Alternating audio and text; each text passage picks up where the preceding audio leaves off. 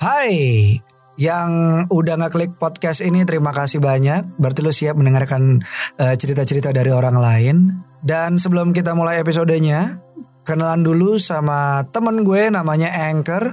Anchor ini adalah all-in-one podcast editing platform yang membuat lo dan gue akan lebih mudah untuk rekaman, edit suara, tambah lagu dan segala hal dalam pembuatan podcast yang akan lo dengerin kali ini.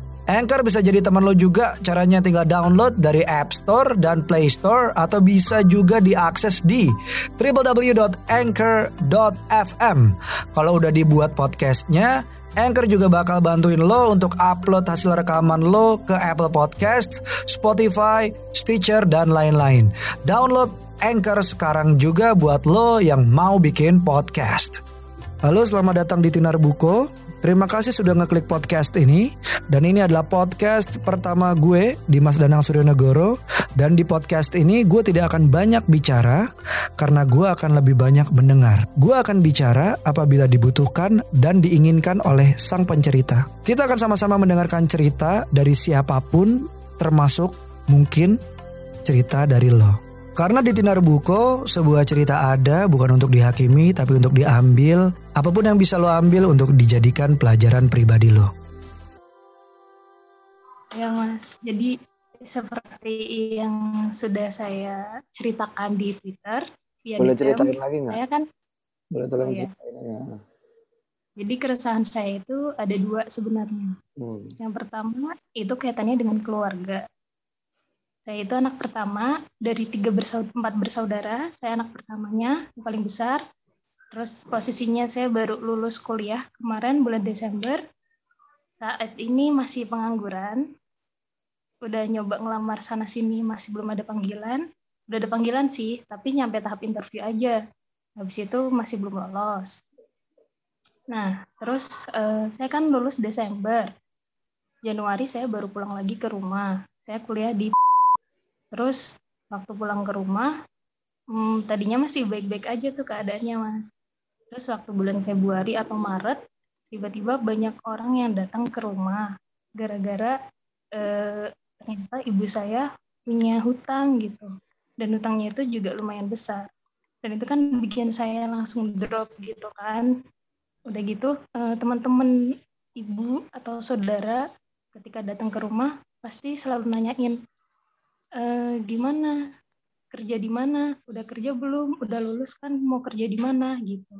Dan itu bikin saya jadi apa sih? Ya saya juga lagi usaha nih gitu buat kerja. Tapi emang belum ada rezekinya aja gitu. Nah terus udah gitu saya kan masih punya tanggungan adik tiga ya mas. Adik saya yang pertama itu cowok SMA yang kedua cowok juga baru masuk SMP dan yang ketiga cewek itu baru umur satu tahun setengah. Jadi eh, dan ibu saya sudah sudah membebankan gitu loh mas. Mungkin ini salah salah artian dari saya mungkin. Cuman ibu saya cuman bilang gini waktu saya baru banget lulus langsung bilang nanti ibu dibantu ya untuk pendidikan adik-adik gitu. Nah terus kan aku ngerasa kayak Ya, iya, bakal bantu kok. Tapi nanti kalau aku udah ada penghasilan, pasti bakal aku bantu. Tanpa ibu bilang gitu. Ya posisinya karena saya masih pengangguran gitu, ya saya Hmm. belum bisa bantu apa-apa gitu. Udah, terus udah kan, itu masalah tentang keluarga.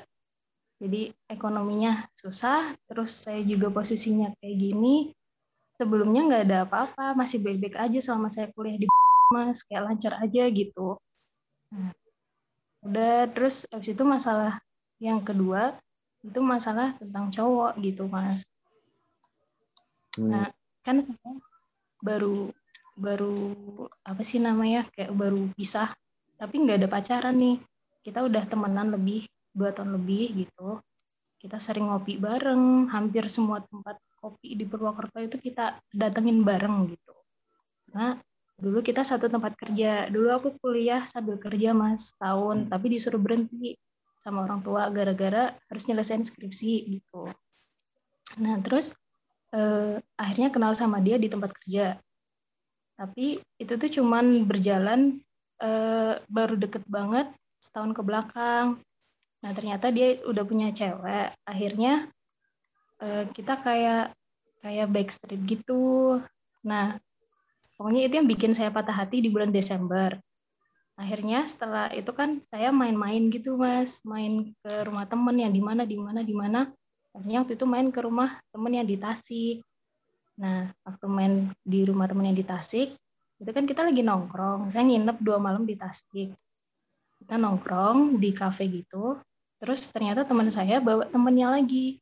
Nah temennya lagi ini bawa temennya juga nah di situ saya pertama kali ketemu sama pacar saya gitu nah awalnya kita cuma ngobrol biasa aja. Nah, terus waktu kita udah pulang, tiba-tiba teman saya itu ngechat, bilang, eh, si ini minta kontak kamu, boleh nggak? Gitu.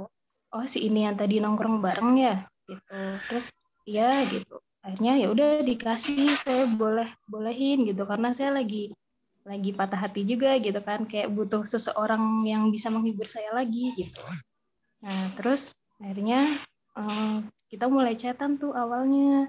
Terus dia itu kerjanya kan awalnya ngomong ke saya eh, kerjanya itu sebagai arsitek mas. Gitu sebagai arsitek. Terus waktu setelah sebulan kita chattingan kita sering video call juga tiap hari video call gitu. Dia baru bilang kalau ternyata dia itu kerjanya mas gitu terus aduh kan saya ini beneran gak sih gitu kan? Hmm. karena itu bukan dunia saya gitu. Saya nggak hmm. pernah ngerti dunia sebelumnya.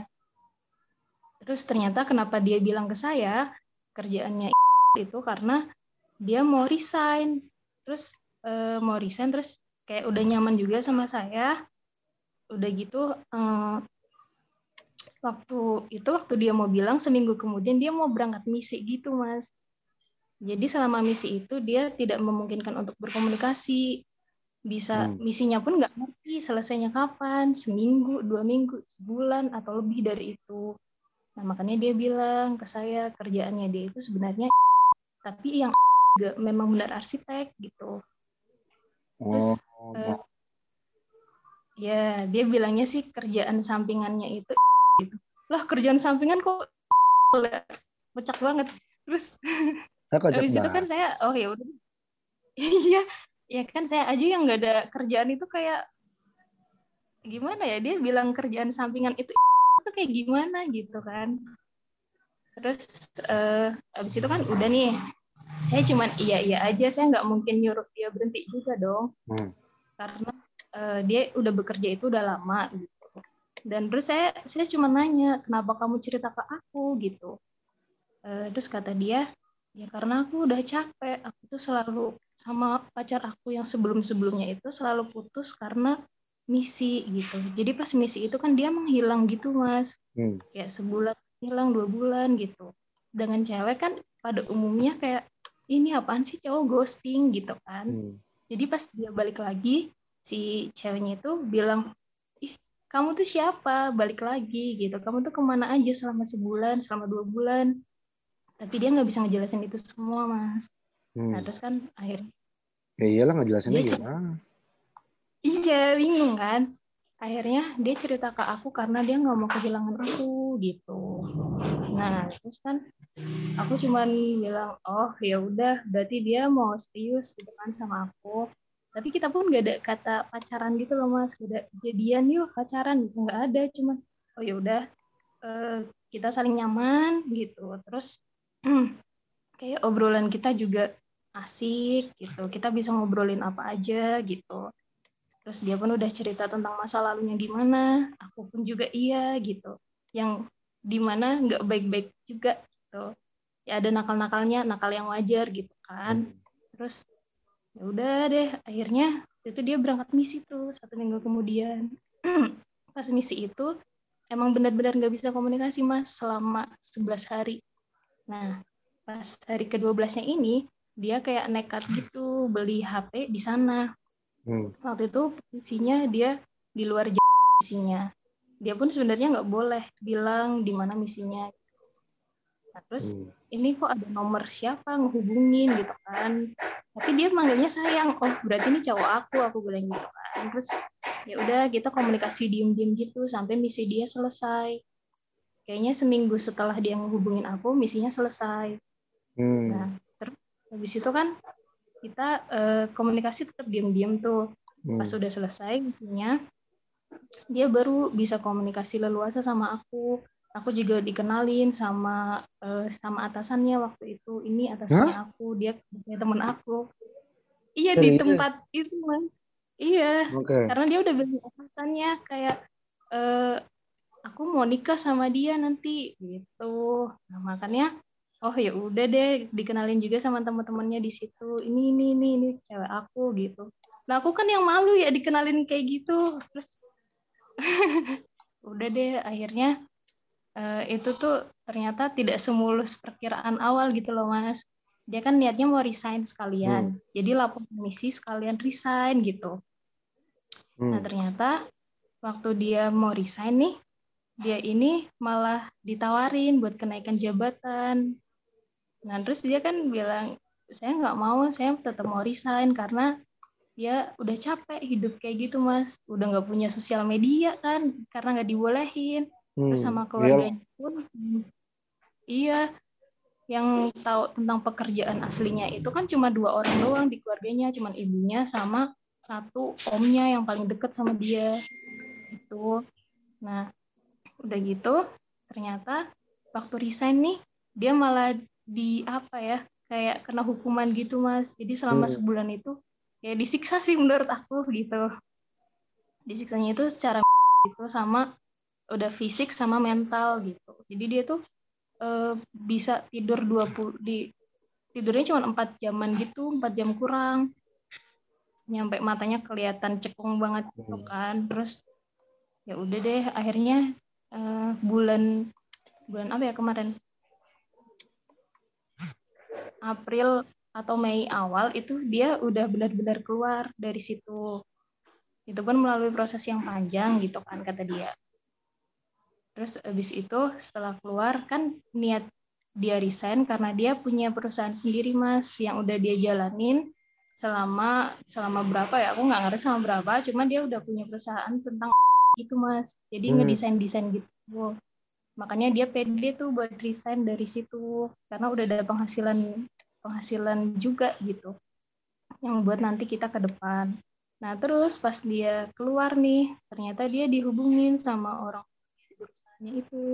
Jadinya perusahaan itu hampir kolaps gitu gara-gara dia itu nyari ke mana-mana. Ini si cowok ini ke mana? Dihubungin susah gitu-gitu Hmm. kan.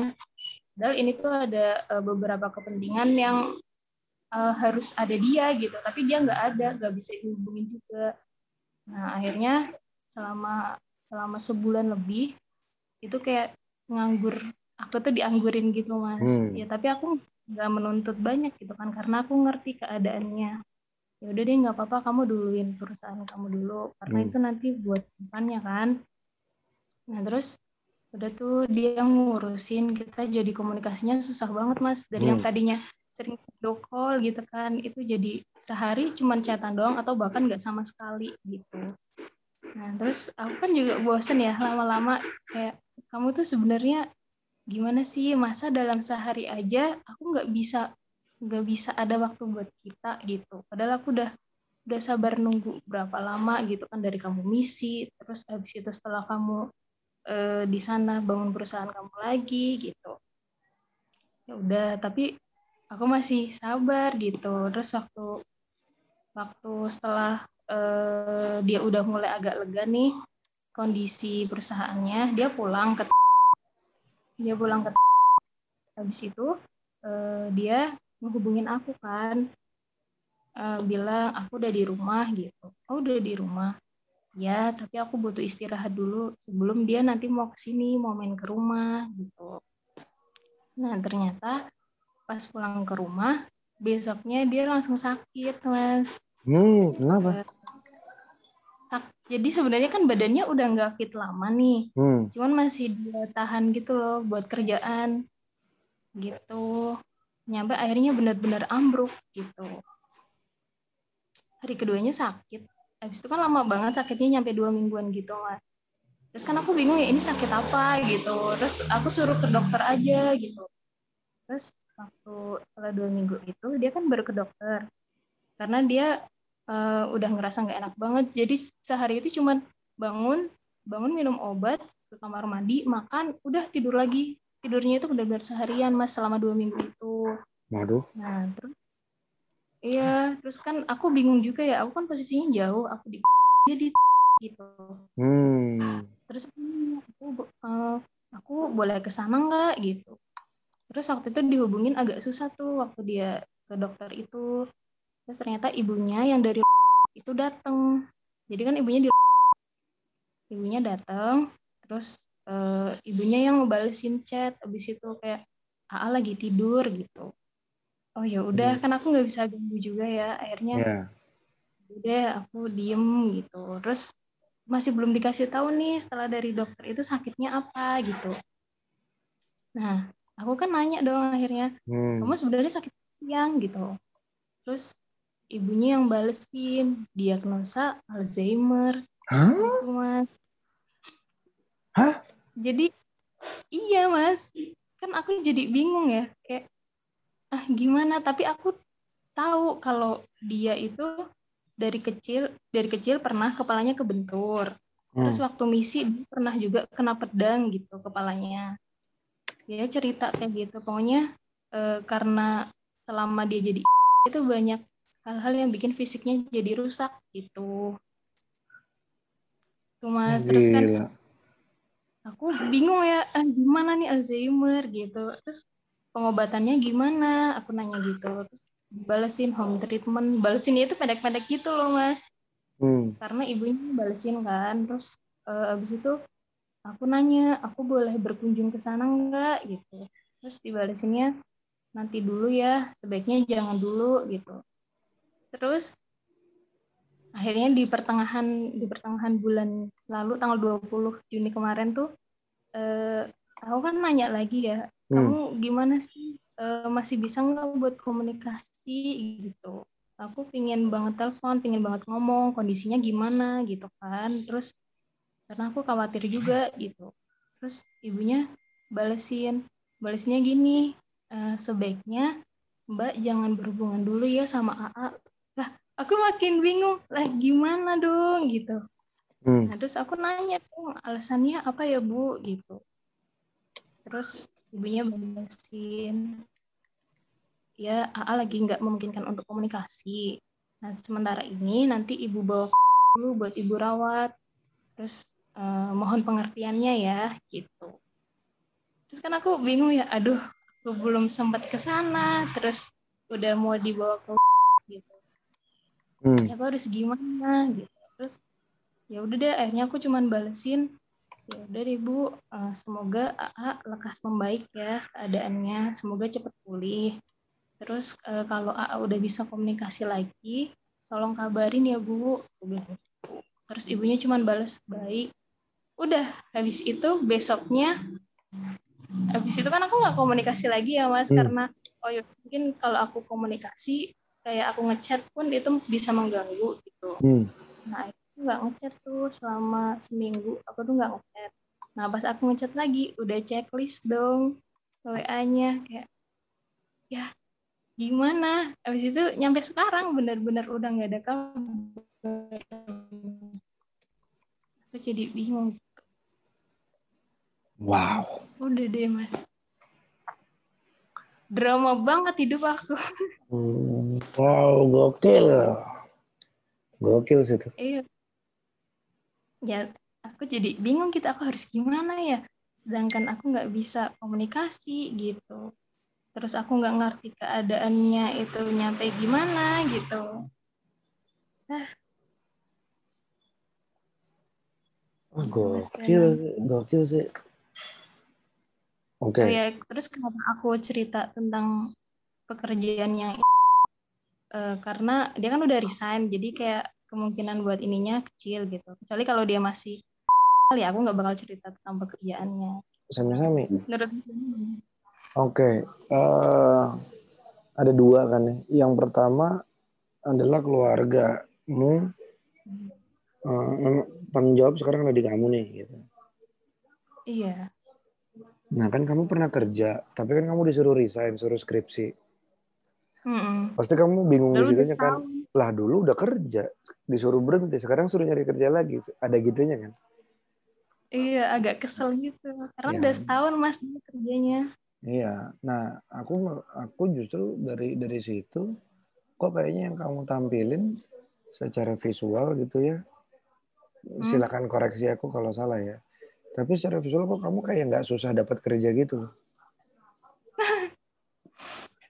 Nggak, mak- Enggak. maksud, maksudku gini, kayak di mana pun Gimana, di mana pun kamu berada kamu kayak ya udah gampang aja gitu dapat aja gitu Hmm, nggak gitu sih mas faktanya. faktanya nggak gitu kenapa bisa nggak gitu eh aku nyoba, ya kan aku udah nyoba ngelamar ke berbagai macam jenis pekerjaan juga ya Hmm. mas. Yang sekarang aku eh, nyoba juga nih ke salah satu, hmm. tapi eh, agak berbanding terbalik sama jurusan aku gitu. Hmm. jurusanmu aku tadi sekarang adalah jurusanmu tadi adalah aku malah daftar ke eh, tentang kesehatan gitu mas yang nantinya akan ditempatkan ke rumah sakit gitu untuk jadi tenaga kesehatan bentar bentar sebentar karena tuh sih sebentar. Ya gimana? Kenapa aku bilang kamu tuh kayaknya gampang dapat kerja gitu. Seharusnya gampang dapat kerja. Ceritain aku proses kamu dapat kerja yang setahun itu deh. Oh jadi waktu itu sebenarnya aku coba-coba mas. Nah karena udah. aku suka. Stop di situ. Sih iya nggak? Ya aku aku coba-coba mas karena Hmm. aku suka suka apa? Aku suka berkegiatan. Waktu Kamu itu di pendapatannya lumayan ya, UMR daerah waktu itu mas. Nah aku coba-coba. Karena aku Hmm. suka. Itu kenapa aku bilang kamu sebenarnya gampang dapat kerja. Dari tadi kamu omongin yang kamu omongin kamu tuh kayak ya udah ya mau gimana ya udah mau gimana gitu. Tapi karena tekanan dari sekitar kayak udah kerja apa udah kerja apa eh sabar. Lu jangan kerja jadi kamu fokus ke tekanannya bukan ke coba-coba karena aku suka. Hmm. coba deh dalam proses coba-coba kamu ada takutnya? Enggak sih. Ada kesel nggak? Keselnya enggak karena suka kan enteng kan Mm-mm. nah kamu punya kamu punya kehebatan itu untuk ya udah mudah Halo, gua mau ngingetin kalau nggak cuma gue yang bisa bikin podcast, tapi lo juga bisa. Mulai dari eh, rekaman, edit suara, tambah lagu, sampai drag and drop sana sini bisa lo lakuin sendiri dengan platform Anchor. Satu aplikasi buat semua kebutuhan podcast. Dan Anchor ini gratis, bisa di-download dari App Store dan Play Store atau bisa juga diakses dari website www.anchor.fm. Nggak cuma buat, tapi lo juga bisa langsung share and publish hasil rekaman lo ke Apple Podcast, Spotify, Stitcher, dan lain-lain dari Anchor ini.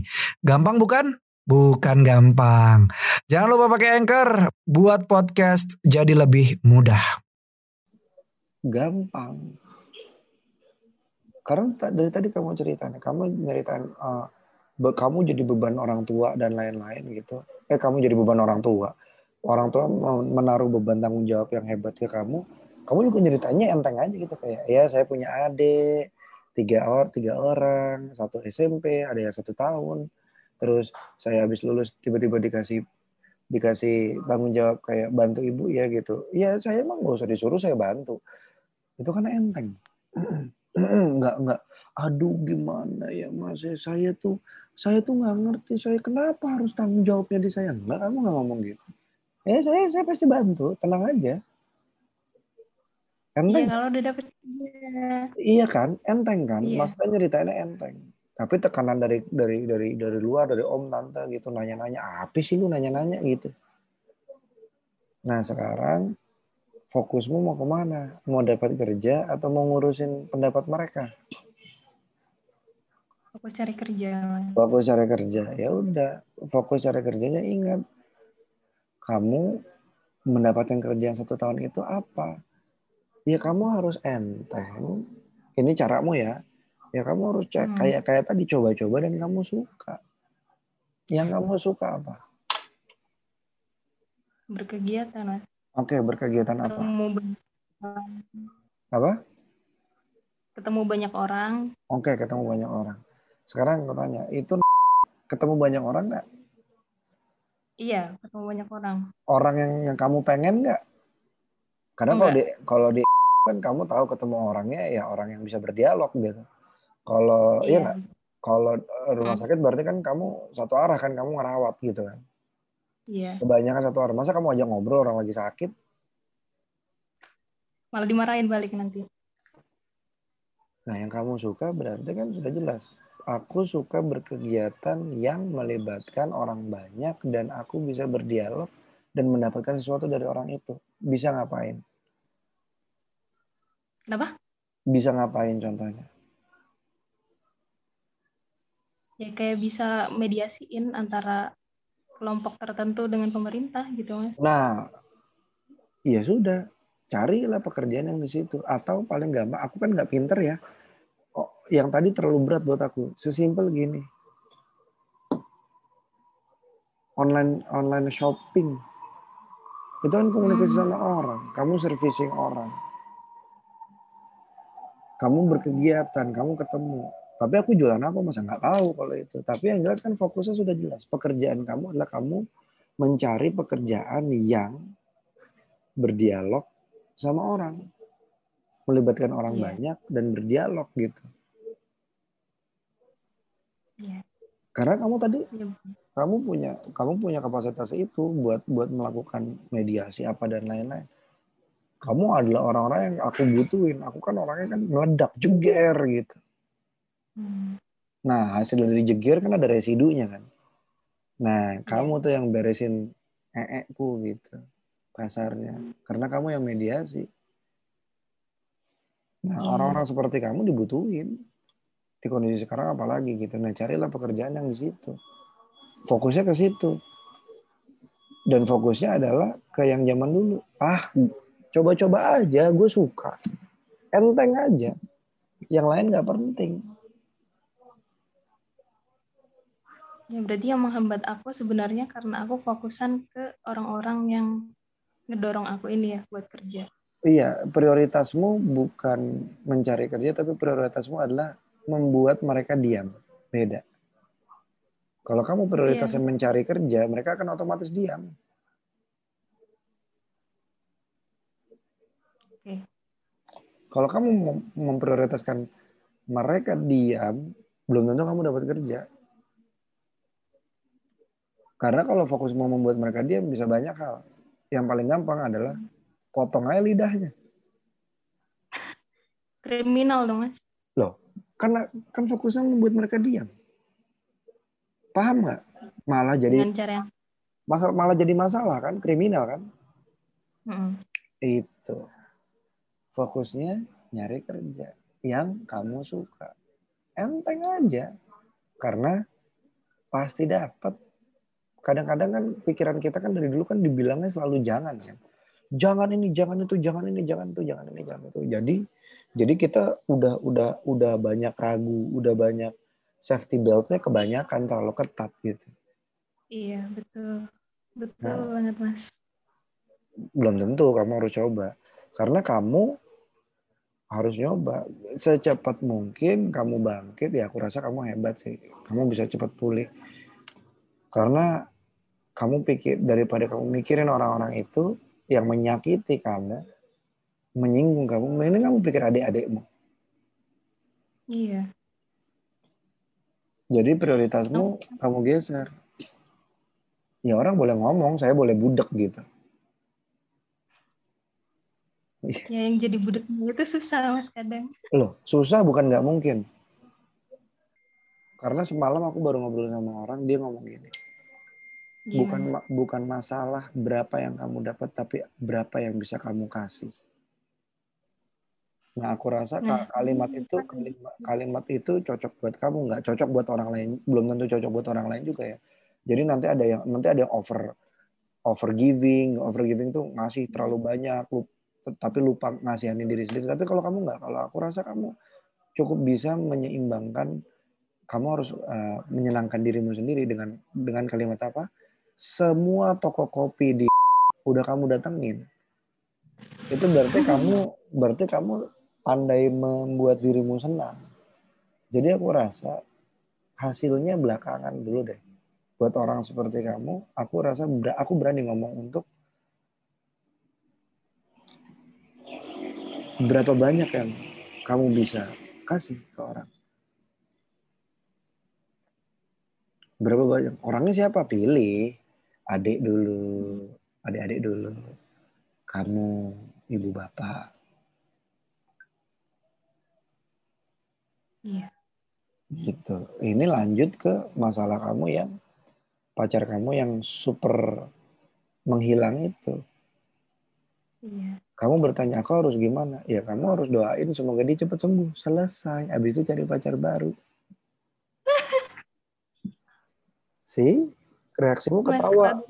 Loh, enggak, reaksimu ketawa bukan kayak, "Hah?" Berarti sebenarnya berarti sebenarnya si pacarmu ini membelenggumu. Kamu jadi nggak bebas.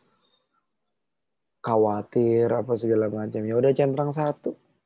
Kamu tahu dari mana itu ibunya? Dia yang bilang, kan aku nanya ini siapa ya gitu. Terus dia balesin ini ibu. Kok kamu gitu. percaya itu ibunya? Kecuali kalau video call. Nah, pas video call sih nggak ada ibunya ya mas ya tapi nggak ngerti nah ya. itu bisa aja pas video call kan ada ibu-ibu yang nggak mau masuk kamera gitu ada ibunya bilang mungkin nggak mau tapi kamu yakin itu ibunya nggak tahu sih mas nah kalau nggak tahu apa yang kamu lakuin cari tahu kan tapi nggak pengen cari tahu juga. Bagus. Itu kenapa? Itu kenapa aku bilang kamu gampang dapetin apa pun. Orang kamu gampang kok pikiran. Gampang aja. Saya nggak pengen cari tahu, saya nggak mau yang ribet-ribet. Saya mau yang gampang gitu. Semua ke, semua kemudahan akan hadir di hidup saya gitu loh. loh nanti kalau kamu jadi orang kaya, anak, dalam waktu dekat lah gitu ya mungkin ya. Aku nggak tahu juga waktu kan punyanya Allah. Kalau kamu suatu saat nanti jadi orang kaya dalam waktu dekat. Ini semua akan jadi ini semua akan jadi komedi. Kamu akan ngetawain ini semua. Ngapain ya? Gitu. Nah sekarang fokus kamu di benerin ayo kamu bisa coba geser fokusmu Fokusnya ke mana? Ke cari kerja. Jadi orang kaya.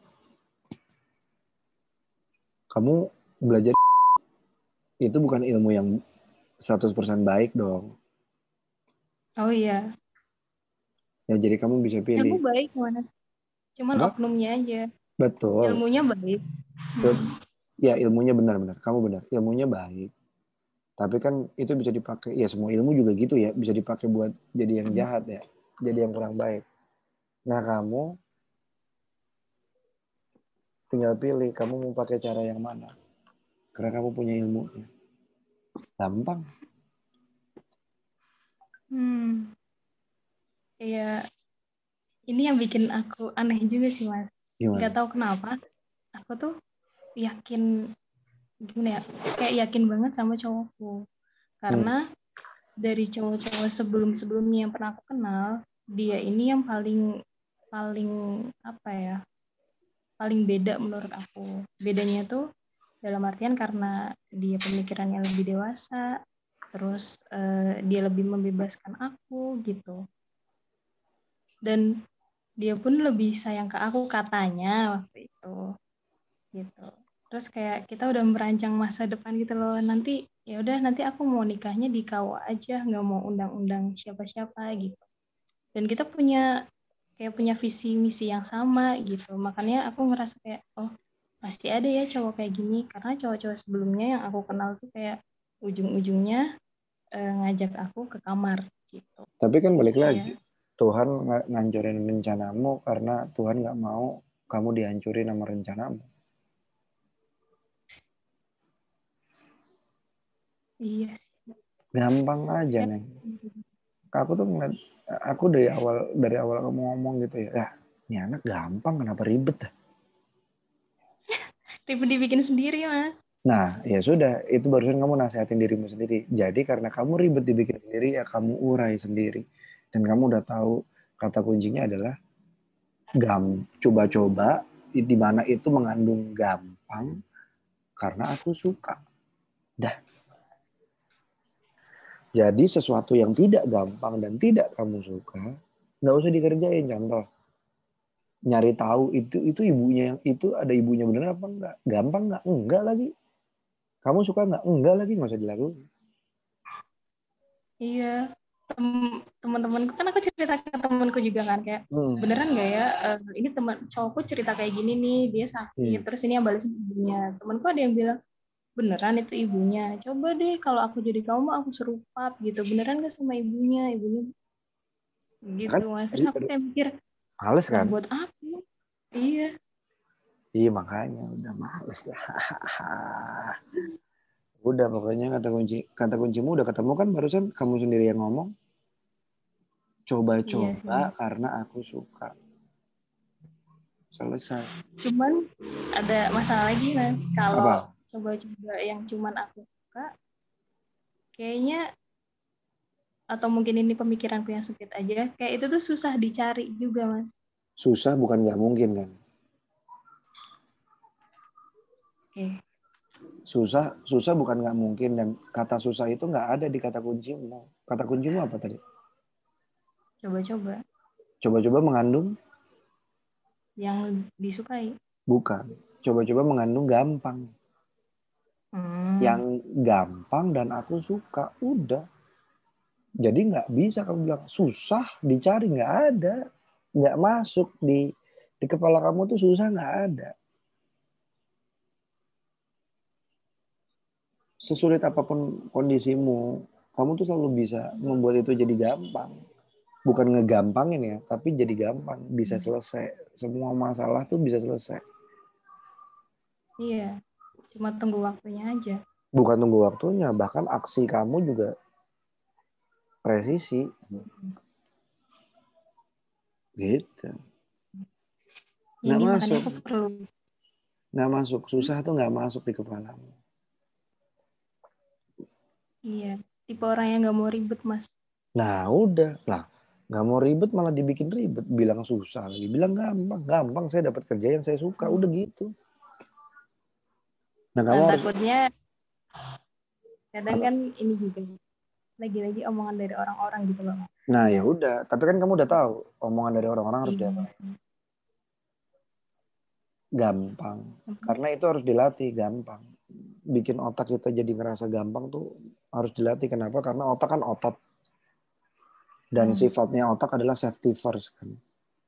Jadi wajar kalau dia wah jangan gitu wah jangan gitu. Gitu wajar nah kita harus melatih otak kita untuk memfungsikan yang lain otak kita itu selalu mencari jawaban saat kamu bilang gampang gue dapat kerja walaupun sekarang saya belum tahu dari mana kerjaan itu datang, apa kerjaannya, tapi saya sudah tahu apa yang saya suka dan saya mau ngelakuin itu.